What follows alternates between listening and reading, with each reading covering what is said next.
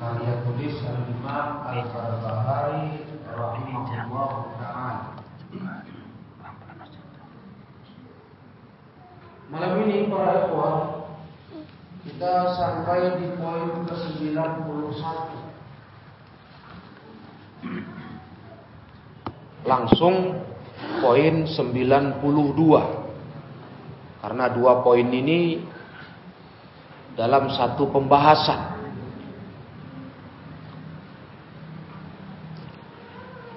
Pada poin ini Al-Imam Al-Barbahari rahimahullah berkata,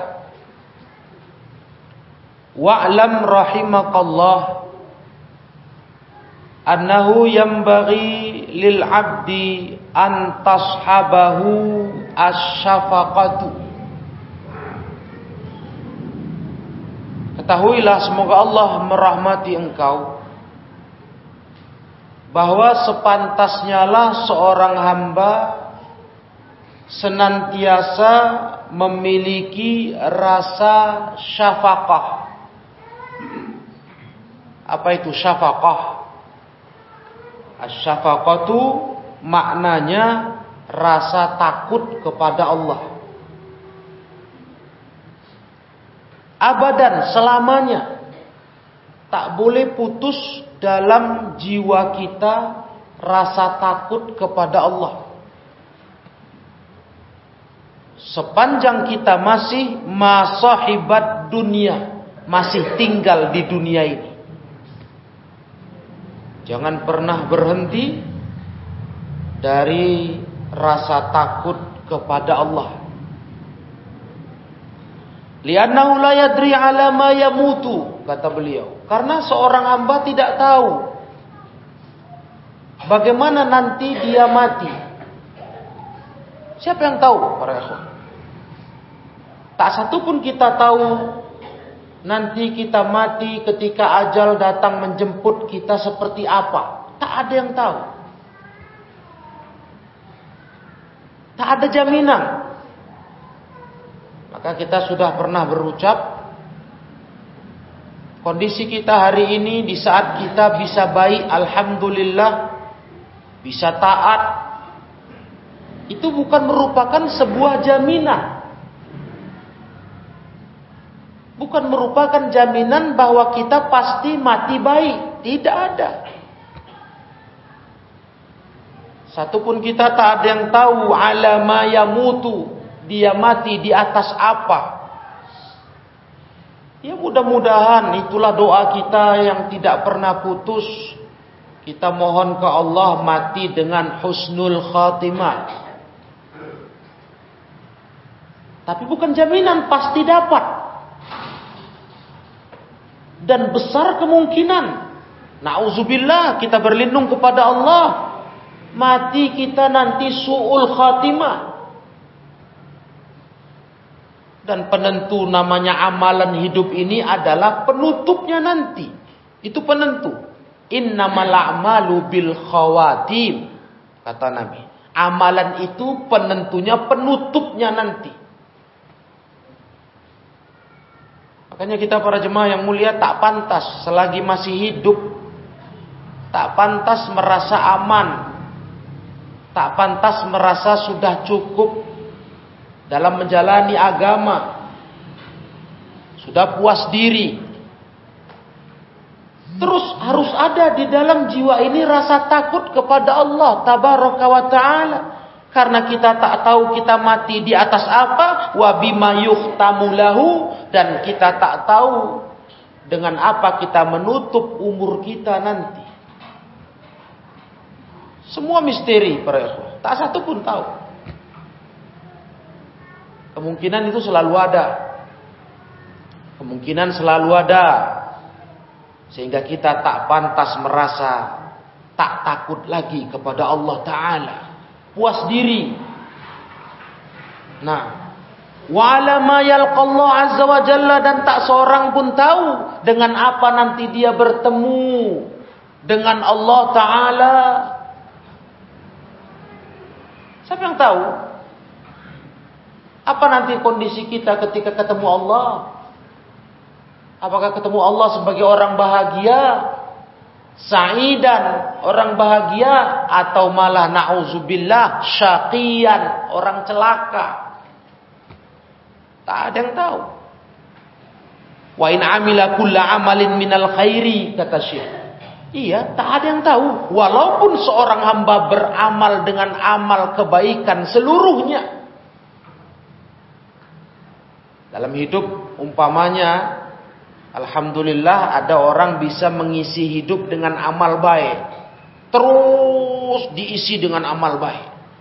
Jangan merasa tenang, jangan merasa aman. Karena kita belum final. Penentunya hidup ini, finalnya, penutupnya nanti. Dan kita tak tahu kita nanti di, di akhir umur kayak mana, nggak tahu. Malah ada hadis yang sudah pernah kita kaji. Ada seorang hamba yang beramal-amal kebaikan dalam hidupnya. Menjelang mati. Sejengkal lagi yang sepantasnya dia masuk surga. Belok dia ke neraka. Tinggal sejengkal lagi. Tinggal sejengkal lagi para ikhwan. Di akhir hayatnya dia berbelok ke jalan neraka. Nauzubillah, yang kata ulama dengan mensyarah hadis itu itu dampak dari tidak lurus niat. Mungkin selama ini dia taat kepada Allah taala. Dia ber, menjalankan perintah. Itu karena faktor urusan dunia. Mungkin ada harapan sanjungan manusia, pujian, nama, yang dikenang orang. Nah, nanti ketahuan orang-orang yang niatnya berbelok ini di akhir hayat. Menjelang mati harusnya husnul khotimah, tak jadi. Dia mati dengan su'ul khotimah. Nah, ini yang pertama, poin 91. Hidup ini kata Imam Al-Barbahari jangan pernah putus dari rasa takut kepada Allah. Takut azab Allah, takut siksa Allah, takut neraka Allah. Jangan pernah merasa aman, itu intinya. Jangan pernah merasa aman, ma'asyirul ikhwah. Kalau sudah kita merasa aman, celaka kita. Celaka. Takwa Allah, kalau kita bicara takwa Allah, itu maknanya kan takut kepada Allah. Yang mendorong hamba untuk mentaati perintah menjauhi larangan. Itu makna takwa. Takut kepada Allah. Kalau sudah nggak ada rasa takut kepada Allah tabaraka wa taala, merasa aman dari siksa Allah, rusaklah manusia. Pasti rusak. Yang mencegah kita melanggar dosa kan karena takut hukuman Allah, takut azab, takut siksanya. Dan itu jangan pernah putus sepanjang kita masih hidup di dunia kata beliau. Jangan pernah putus rasa takut itu di dalam dada. Kemudian poin 92, wa yambaghi lirrajulil musrif ala nafsi alla yaqta'a raja'ahu minallahi ta'ala indal mauti. Begitu pula seorang hamba yang melampaui batasan melanggar dosa. Melampaui batas yakni berarti dia sudah melanggar aturan agama. Jangan sampai dia lepas dari rasa harap kepada Allah. Jangan putus rasa harapnya. Layak tak roja'ahu. Jangan putus rasa harapnya kepada Allah Sampai ketika dia mati terus ada rasa harap kepada Allah. Ini dia. Ini bergandengan ini para jemaah. Yang pertama rasa takut. Takut azab, takut siksa Allah Ta'ala. Takut murka Allah Ta'ala. Yang kedua rasa harap harapan akan surga Allah, harapan akan ampunan Allah, harapan akan kemaafan Allah atas dosa-dosa kita. Nah, ini harusnya dimiliki orang yang melampaui batasan. Pendosa-pendosa, jangan putus asa. Tebalkan rasa harap kepada Allah tabaraka wa taala wa yuhsin dhannahu billah. Perbaiki praduga dia dalam memandang Allah. Jangan buruk sangka, jangan berpikir Allah tak maafkan saya. Allah tak ampunkan saya, saya sudah keterlaluan. Jangan. Itu bukan sifat orang beriman. Putus asa dari rahmat Allah. Nah, ini orang yang melampaui batas. Jangan lupa. Dia harus selalu berharap akan ampunan Allah Ta'ala. Supaya dia bersegera menuju taubatan nasuha. Itu namanya rojak. Rasa harap. Akan rahmat Allah, akan ampunan Allah Ta'ala.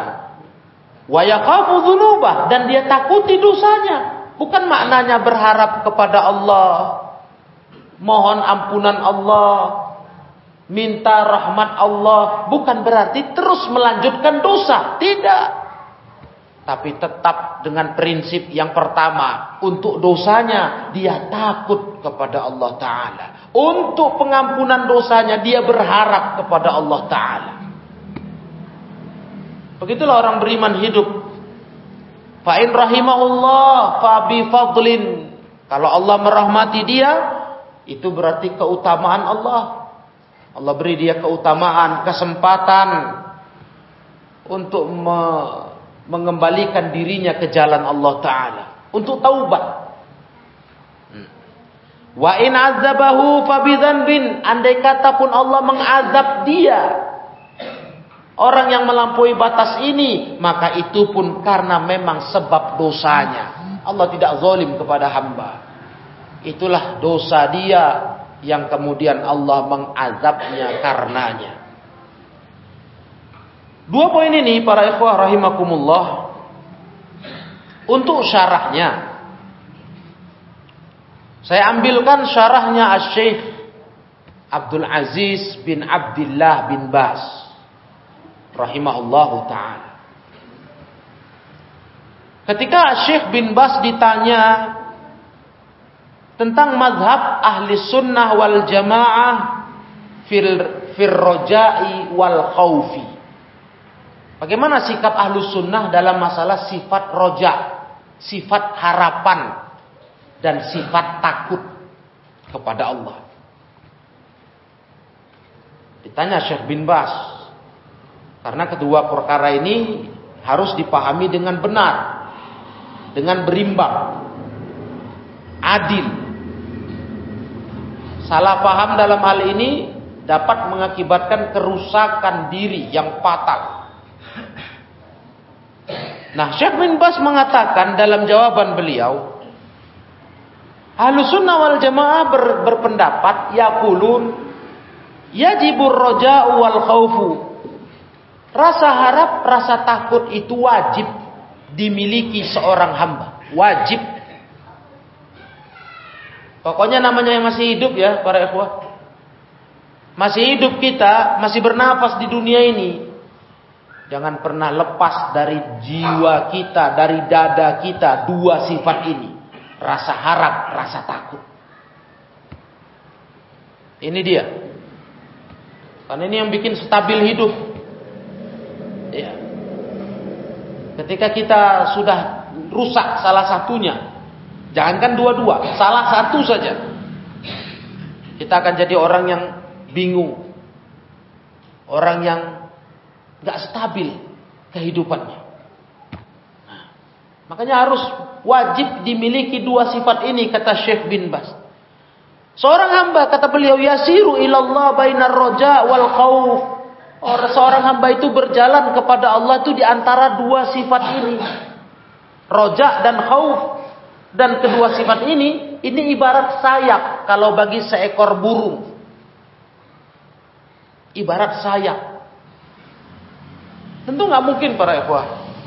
Seekor burung terbang normal. Kalau sayapnya salah satu bermasalah. Nggak mungkin. Jangankan bermasalah, kecil sebelah saja nggak bisa dia terbang. Ketika gak berimbang dua sayap itu pada seekor burung, maka itu akan mengganggu terbang dia. Dia gak akan bisa menggunakannya. Walaupun yang satu sayapnya sangat besar, kuat, lebar, tapi yang satu kecil. Apalagi yang satu sampai bermasalah, sakit, patah dan sebagainya. Burung ini akan cacat. Dia nggak akan bisa terbang selayaknya seekor burung. Begitulah sifat rojak khauf pada manusia. Pincang kita istilahnya. Hidup kita pincang. Kalau dua sifat ini tak ada dalam hidup kita. Nah, dan para ekor yang dimuliakan Allah tabaraka wa taala seorang muslim itu kata Syekh yaqafullah wa yarju. Dia selalu takut kepada Allah dan selalu berharap. Hatinya diisi dengan itu. Ada masa takutnya muncul. Takut akan dosa-dosa, takut akan pelanggaran agama, takut kurang mentaati Allah taala, takut Ya itu yang bisa ngerem kita, para ikhwah, jemaah yang mulia. Karena kita ini beragama sudah kelasnya orang dewasa ya. Ini saya mengambil istilahnya Imam Ibnu Abil Izzi di kitab beliau Syarah Akidah Tahawiyah. Kita ini beragama kita ini, ini kelasnya orang dewasa.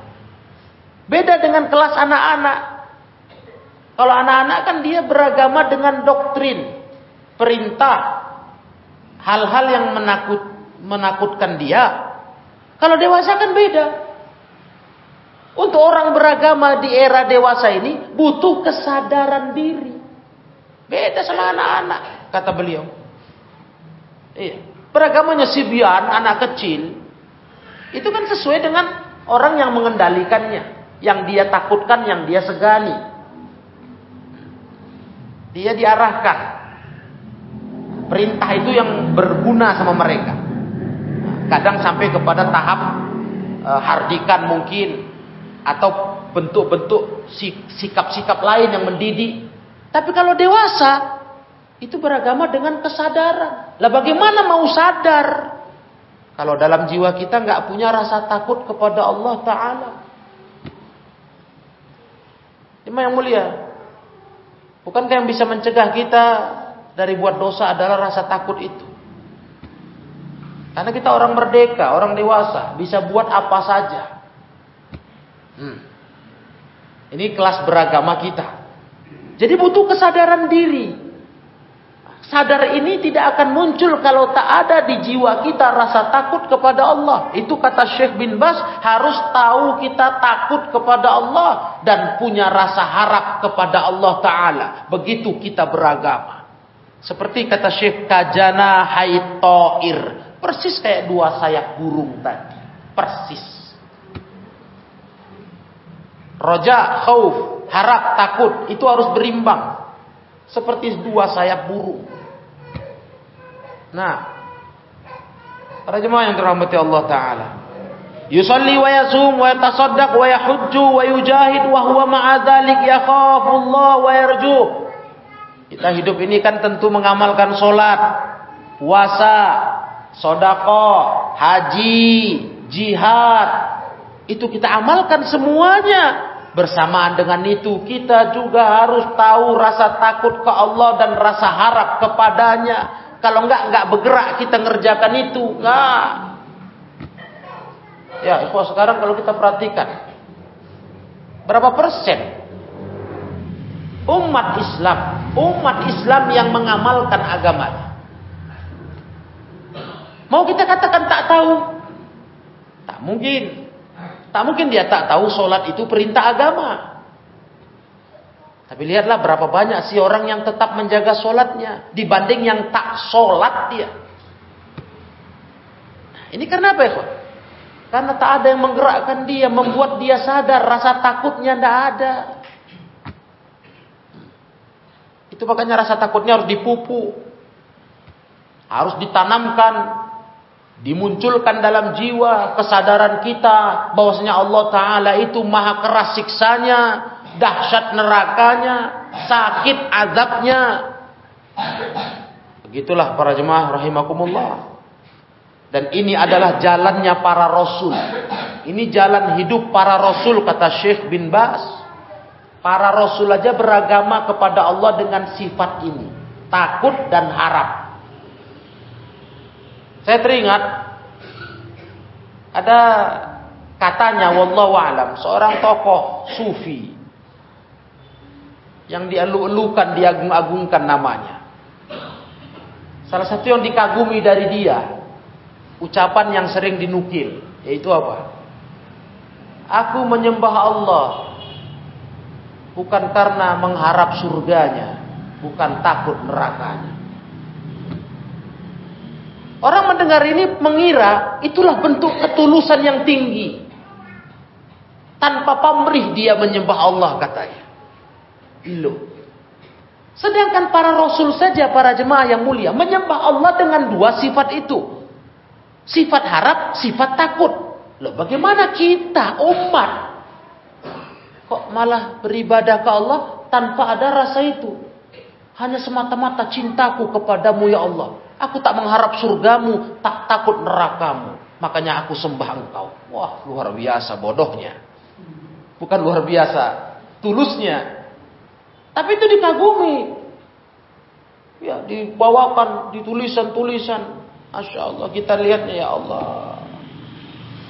Bagaimana seorang kita, seorang hamba sebagai umat Nabi, kan umat Nabi kita, siapa pun dia, siapa pun kita. Bisa kita mengalahkan ketulusan para Nabi Allah, ketulusan Rasulullah yang bahkan mereka pun beribadah kepada Allah dengan dua sifat ini. Mengharapkan surga Allah, takut neraka Allah. Bukti itu kita baca dalam Al-Quran. Allah berfirman di dalam surah Al-Anbiya ayat 90 tentang para rasulnya.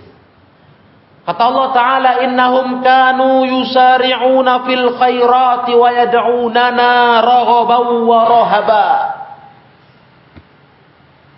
Lihat dua sifat ini. Sungguh mereka itu kata Allah Ta'ala para rasul dan pengikutnya mereka bersegera berlomba-lomba kalau buat kebaikan. Dan mereka berdoa kepada kami kata Allah dengan penuh rasa harap dan rasa takut Rohobau wa rohaba. Ya mereka beribadah dengan rasa itu. Rasa harap, rasa takut. Itu para rasul, pengikut rasul begitu semua. Ini Al-Quran, Al-Anbiya ayat 90. Bagaimana mungkin kita mau bisa melebihi rasul? Terus merasa kita nggak berharap surga Allah dengan beramal nggak takut karena neraka Allah. Lah bagaimana itu? Nah, inilah nikmatnya ilmu para. Karena kalau dari secara pandang sudut pandang logika kita mungkin agak benar juga cakap itu, menggambarkan ketulusan orang ini beribadah. Jadi tanpa pamrih kesannya. Sedangkan para rasul saja pun beribadah mau cari itu. Dorongannya takut, dorongannya harapan. Itu para rasul. Nah, jadi jangan sok merasa lebih hebat dari para rasul, pengikut-pengikut rasul. Allah yang memberitakan tentang sifat mereka, tentang kondisi mereka, tentang keadaan mereka. Allah yang cerita dalam Al-Quran. Bahwasanya mereka, para rasul dan pengikut-pengikutnya beribadah kepada Allah, berdoa penuh rasa harap dan rasa takut. Begitu pula surah Al-Isra ayat 57 kata Syekh bin Bas. Allah berfirman, "Ulaikal ladzina yad'una yabtaghuna ila rabbihimul wasilata ayyuhum aqrab wa yarjuna rahmatahu wa yakhafuna azabah." Allah bilang apa? Kata Allah Ta'ala mereka lah orang-orang yang berdoa kepada Allah dan mengharapkan kepada Rabb mereka perantara untuk lebih dekat kepada Allah. Perantara di sini, wasilah di sini adalah wasilah syar'i. Sudah pernah kita singgung masalah wasilah yang syar'i. Yang dibolehkan kita mengambil perantara dalam berhubungan dengan Allah Ta'ala. Iya. Dan mereka itu kata Allah, yarjuna rahmatahu. Lihat sifat mereka. Sifatnya Nabi dan para pengikutnya. Mengharap rahmat Allah. Wa yakhafuna azabahu. Mereka takut azab Allah. Jadi apa itu? para nabi, para rasul dan para pengikut mereka itu kalau beribadah kepada Allah dengan dua sifat ini, rasa takut, rasa harap, rasa takut akan azab, rasa harap akan rahmat. Ini nggak mungkin dipisah ini, nggak bisa dilepaskan. Jangankan dilepas dua-dua, satu aja pun nggak boleh. Kalau kalimat tadi itu melepas dua-duanya untuk menggambarkan sangat tulusnya seseorang beribadah kepada Allah. Sampai tak mengharap surgamu ya Allah aku beribadah kepadamu bukan karena takut neraka. Masya Allah. Ini satu penyimpangan paham yang sangat fatal ikhwanifiddin dan memang ini dikenal tokoh ini tokoh sufi. Tokoh sufi. Ya. Nama ini pun cukup populer ini. Robi'ah al-Adawiyah itu diululukan sebagai tokoh sufi. ucapannya ini yang sangat berbahaya dalam akidah muslim. Karena seorang muslim beribadah kepada Allah dengan rasa takut dan rasa harap. Dan itulah cara beribadahnya para rasul dan pengikut-pengikut mereka. Nah, nah ikhwan yang dimuliakan Allah Ta'ala. Banyak ayat-ayat lainnya yang menjelaskan Larangan kita nggak boleh berputus asa dari rahmat Allah. Nggak boleh hidup tanpa harapan. Makanya kalau kita pendosa di poin 92, kalau kita kebetulan jatuh ke dosa, itu jangan kita terus merasa patah. Jangan terus berpikir, ya sudahlah. Tak mungkin lagi Allah maafkan saya. Nah, ini namanya putus asa dari rahmat Allah. Ini bukan sifat orang beriman. Nah, Makanya orang yang yang sudah melampaui batasan dalam hidupnya, dia harus bangkitkan rasa harapnya untuk mengejar taubatnya. Nah, optimis, jangan pesimis. Optimis untuk menyambut taubat. Walaupun kita punya kesalahan fatal, berat, yang rasanya kalau pakai perasaan, aduh, keterlaluan sudah. Yakin kita Allah Ta'ala masih membuka pintu taubatnya, pintu maafnya sebelum kita mati. Sebelum matahari terbit dari barat. Belum kiamat. Itulah rasa harap. Nah, itu rasa harap yang benar. Bukan pula maksud kita rasa harap yang benar dalam arti terus dosa jalan terus dengan harapan satu saat diampunkan Allah. Enggak begitu. Ini keliru. Ya, dalam ajaran Islam para ikhwan yang dimuliakan Allah tabaraka wa taala, kita dididik di dalam Islam ini dididik kita untuk meyakini Allah itu dengan dua sifatnya. Dua sifat itu diterangkan oleh Allah tabaraka wa taala dalam Al-Qur'an di beberapa ayat. Di antaranya surah Al-Hijr ayat 59, ayat 49 sampai 50. Ini harus di, diyakini pada diri Allah. Cara mandang Allah tuh begitu. Kata Allah Ta'ala, Nabi ibadi, Ani anal ghafurur rahim. Kasih tahu, beritahu hamba-hambaku bahwasanya aku adalah zat maha pengampun, maha penyayang. Ini yang pertama. Beritahu ke hamba-hambaku, Nabi ibadi. Beritahu ke hamba-hambaku bahwasanya aku Maha Pengampun, Maha Penyayang. Yang pertama, ayat 49. Ayat 50-nya, wa anna azabi huwal azabul alim. Beritahu ke hamba-hambaku, azabku adalah azab yang sangat pedih. Ini yang kedua. Bagi seorang muslim dalam meyakini penciptanya Allah, dia yakin Allah itu Maha Penyayang, Maha Pengampun, tapi dia tak lupa Allah juga maha keras siksanya, maha dahsyat azabnya. Begitu dalam pandangan Islam tentang Allah. Ini ajaran yang benar. Ini ajaran yang benar para ikhwah Jadi kita mandang Allah Ta'ala bukan hanya sebagai maha pengasih, maha penyayang. Terus kita bergantung dengan kasih sayangnya, dengan ampunannya. Tapi dosa gak kita tinggalkan. Gak begitu. Iya. Dalam Islam nggak seperti itu, para rahimahumullah. Bukan dalam Islam terus dibuat satu istilah. Pokoknya setiap orang yang berada di agama Islam pasti dia akan diampunkan Allah. Tidak. Dalam akidah ahli sunnah, pelaku dosa Itu tahtal masyiah, di bawah kehendak Allah. Tergantung mau Allah apa terhadap hamba ini. Mau Allah azab, Allah azab. Mau Allah maafkan, Allah maafkan. Jadi beda kita ya dengan ajaran agama lain. Ya, agama yang mengatakan pokoknya siapa ikut agama mereka pasti semua dijamin surga, dosa ditebus. Terus dibilanglah itu ajaran kasih. Iya. Karena pun mereka sudah mencampuri ranah Islam. Nah, terus mereka menyinggung. Nah, kalau di Islam dikesankan Allah itu serem. Tukang siksa, bakar hambanya. Masya Allah. Tidak. Bagi kita umat Islam, Allah itu pengasih penyayang. Tapi bagi siapa? Bagi siapa yang dikehendakinya.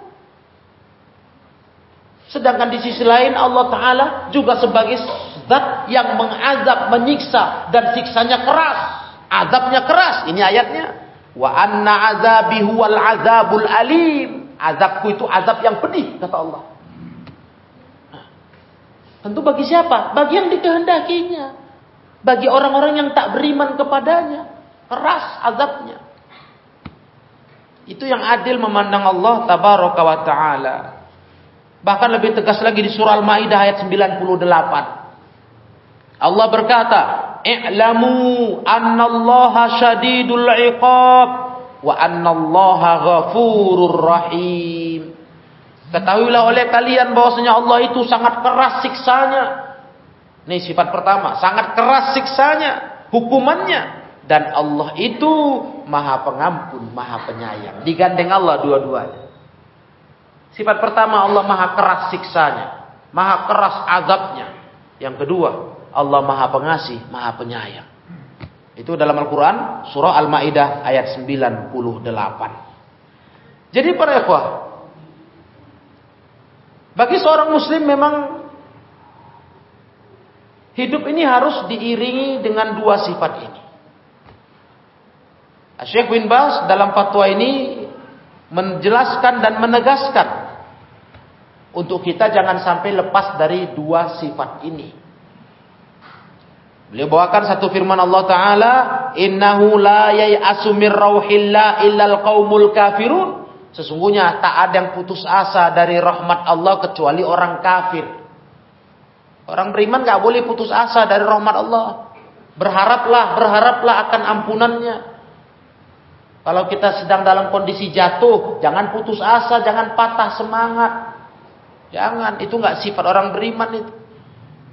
Ya, ketika kita jatuh, baik jatuh dengan kondisi dosa kita atau jatuh dengan musibah yang datang, jangan putus asa optimis mengharap pertolongan Allah, optimis menyambut ampunan Allah. Nah, optimis mengharapkan jalan keluar dari Allah, itu orang beriman. Jangan putus asa dari rahmat Allah Ta'ala. Surat Yusuf ayat 87. Karena nggak ada yang putus asa dari rahmat Allah kecuali dia kafir. Orang kafir memang yang nggak berharap dengan rahmat Allah karena mereka nggak dapat. Orang kafir kan nggak ada rahmat Allah bagi mereka. Dunia akhirat mereka nggak dapat. Kalau kafir ya. Tapi orang beriman, mereka sangat berharap akan rahmat Allah tabaraka wa taala. Surah Zumar ayat 53 Allah juga berfirman, "La taqnatu mir rahmatillah." Jangan putus asa dari rahmat Allah. Hah, jangan ikhwah. Jangan. Apa pun kondisi hidup kita, sejatuh apa pun kita, terus optimis. Yakin kalau itu musibah, itu himpitan hidup, Allah akan tolong, yakin. Harapan itu tingkatkan. Begitu. Ini Allah marah. Jangan kalian putus asa dari rahmat Allah tabaraka wa taala. Maka sifat roja, sifat harap harus dipupuk dalam jiwa kita untuk selalu ada. Nah begitu pula masalah sifat takut. Jangan pernah nggak takut kepada Allah Taala. Itu tadi. Jangan pernah merasa tenang merasa aman-aman saja. Ya, dosa dibuat terus, dilanggar terus.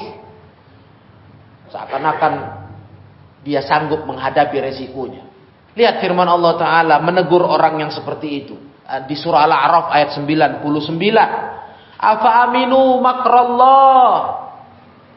Allah tanya kepada kita, apakah mereka manusia itu merasa aman dari makar Allah? Merasa aman dengan buat dosa terus-terusan, bertahan dengan dosa. Yakin nggak diapa-apakan Allah kita istilahnya? Yakin nggak dihukum Allah? Jangan terasa aman. Mana takut kita kepada Allah? Ah, janganlah coba-coba ikhwan yang mulia. Kalau kita sudah tahu ilmu, jujurlah, rasakanlah perbedaannya. Mungkin dulu kalau kita belum tahu ilmu, kita buat dosa tenang-tenang saja. Setelah tahu ilmu, setelah sadar kita dosa itu bisa mengundang petaka, mengundang marah Allah, ngeri kita. Mungkin kita masih langgar juga mungkin, kalah sama nafsu. Tapi setiap melanggarnya, itu kita cemas terus. Khawatir. Takut kita, karena udah tahu ilmu. Allah udah tegur kita. Apakah mereka merasa aman dari makar Allah? Fala ya'manu makarallah illal qaumul khasirun. Enggak ada orang yang merasa aman dari makar Allah kecuali orang merugi. Ya. Karena kita tahu ilmu, Kita tahu dampak buruk dosa. Dosa itu bikin datangnya petaka. Mungkin kalaupun kita masih langgar juga karena hebat kali godaan nafsu, tapi yakin kita pasti beda udah rasanya. Sebelum ada ilmu, melanggar dosa itu ya tenang saja, manis saja rasanya. Melenggang saja istilahnya, lancar. Setelah tahu ilmu, mulai timbul getaran takut kita, khawatir kita. Nah, ini yang penting harus ada di dada kita. Sehingga kita harapkan rasa takut itu mencegah yang mestinya kayak banyak sekarang kita lihat tingkah manusia buat dosa itu gembira-gembira. Tertawa-tawa malah bangga-bangga. Kalau kita berilmu, mungkin kita juga buat dosa. Kita langgar juga, tapi sudah beda. Istilahnya melangkahnya sudah berat. Udah gemetar kaki kalau orang jalan. Karena udah terbayang kita. Ini azab Allah ada. Jangan merasa aman dari makar Allah. Jangan. Begitulah nikmatnya ilmu para jemaah yang dimuliakan Allah subhanahu wa ta'ala. Jadi ikhwanifidin rahimakumullah. Dua sifat ini yang memang harus betul-betul lah. Coba kita seimbangkan dalam hidup. Ya, seimbangkan dalam hidup. Kalau Syekh bin Bas menasihatkan di akhir syarah ini, yang bagi lahu ayyaghlibar roja fi halil marat. Sepantasnya lah kata sebagian ulama salaf Seseorang itu lebih dominan rasa harap kalau dia lagi sakit. Lagi jatuh, lagi ada banyak masalah. Ah, naikkan rasa harap. Ya. Artinya apa ya, Kita ini harus banyak-banyak yakin akan pertolongan Allah. Bantuan Allah. Rojak, harapan untuk itu harus dipertebak. Ditambah pula ada hadis kursi. Saya rasa sudah pernah saya sampaikan di sini apa kata Rasulullah? Allah berkata, "Ana inda dhanni 'abdi." Aku kata Allah tergantung bagaimana penilaian hambaku kepada. Kalau kita nilai Allah itu mau tolong kita, Allah mau bantu kita, Allah tuh begitu. Tapi kalau kita udah menilai Allah nggak peduli kita, nggak urus kita, ah, ya sudah Allah pun begitu. Tergantung dugaan hambaku kepadaku, kata Allah. Hadis kudsi yang sahih. Makanya kata sebagian ulama salaf, kata Syekh bin Bas. Qala ba'du ahli ilm. Yang bagi lahu ayyaglibar roja fi halil marad. Sepantasnya lah lebih dominan rasa harap kalau kita sedang sakit, sedang jatuh, sedang banyak masalah. Ataupun kita sedang buat dosa, ya, rasa harap akan ampunan dalam arti taubat. Sedang terhimpit hidup, banyak problema. Yakin dengan pertolongan Allah. Makanya jangan lupa doa, minta, dan usaha. Oh gitu hidup ini. Iya. Gak boleh kita putus asa ya. Jangan kita lemah semangat. Ini kata ulama salah. Begitu pula wal khaufi halis sihana. Kalau kita lagi sehat-sehat, lagi badan ini enak, kayaknya masalah sedikit. Ah, pertebal rasa takut. Karena di kondisi sehat ini godaan ke dosa lebih besar. Iya kan? Kan manusia ini kalau udah sakitnya, udah payah mikir dosa. Apalagi tergeletak. Kalau lagi segar-segar, apalagi berduit, ah, sudah. Otak tuh jelek aja itu sudah. Nah, berduit, sehat, lapang waktu. Nah, di saat itu kata sebagian ulama salaf, naikkan rasa takut. Ingat-ingat Allah, ingat azabnya, ingat marahnya. Biar tering dosa itu. Nah, ini petuah sebagian ahli ilmu dari ulama salaf, masya Allah. Kenapa harus begitu kita kata beliau? Hatta yanshata fil amali salih. Biar semangat kita beramal salih. Apa pun kondisi hidup kita, lagi sakit, kita lagi jatuh, lagi sehat, lagi sukses. Tetap amal soleh yang kita jaga untuk diamalkan. Jangan lupa dengan rasa harap, rasa takut. Ya, ingat ikhwan ini mudah kita sadari ini. Kalau lagi sehat-sehat badan, lagi lapang-lapang rezeki, lapang waktu, ya, tingkatkan rasa takut dari rasa harap. Nah, karena di situ lebih dominan kita butuh itu untuk mencegah kita buat dosa. Karena memang begitulah manusia ini. Umumnya begitu.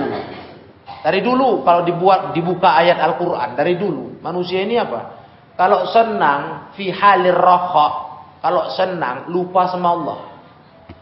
Tapi kalau susah, ah, banyak kali ngadunya ke Allah. Itulah kita.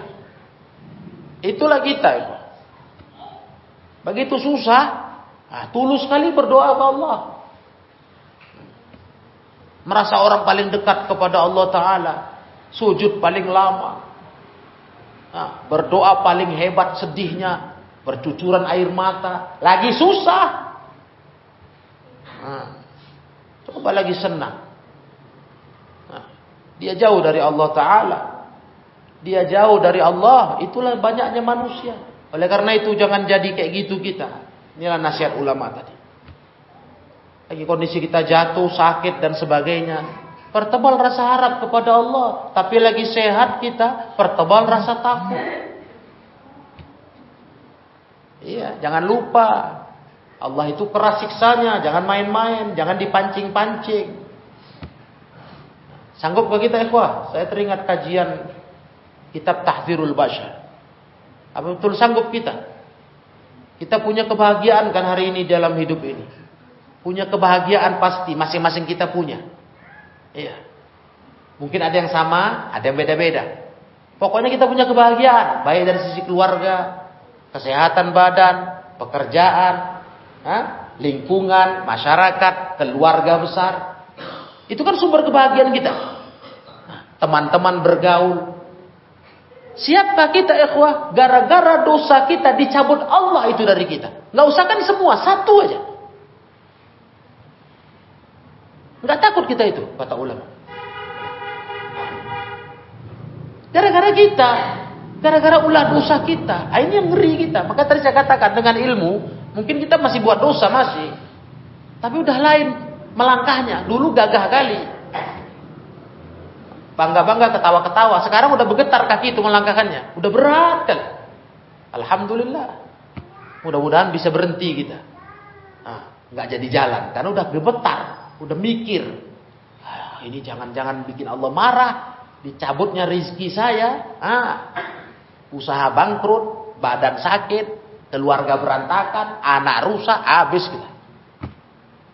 Sama Allah gampang itu buat. Gampang itu. Maka jangan main-main dengan dosa.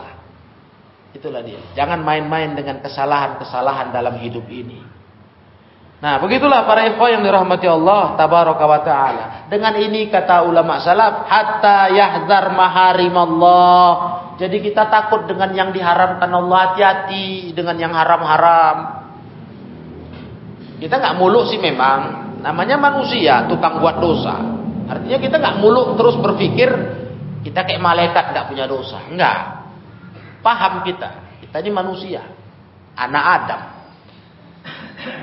Maka ilmu ini hanya sebuah harapan kita atau sebuah jalan untuk kita mengurangi kadar dosa itu. Kalau kita bilang untuk berhenti total, nggak bisa. Kita ini anak manusia, anak Adam, keturunan Nabi Adam tukang buat salah. Kullu bani Adam khata. Semua anak Adam tukang buat salah. Paham kita?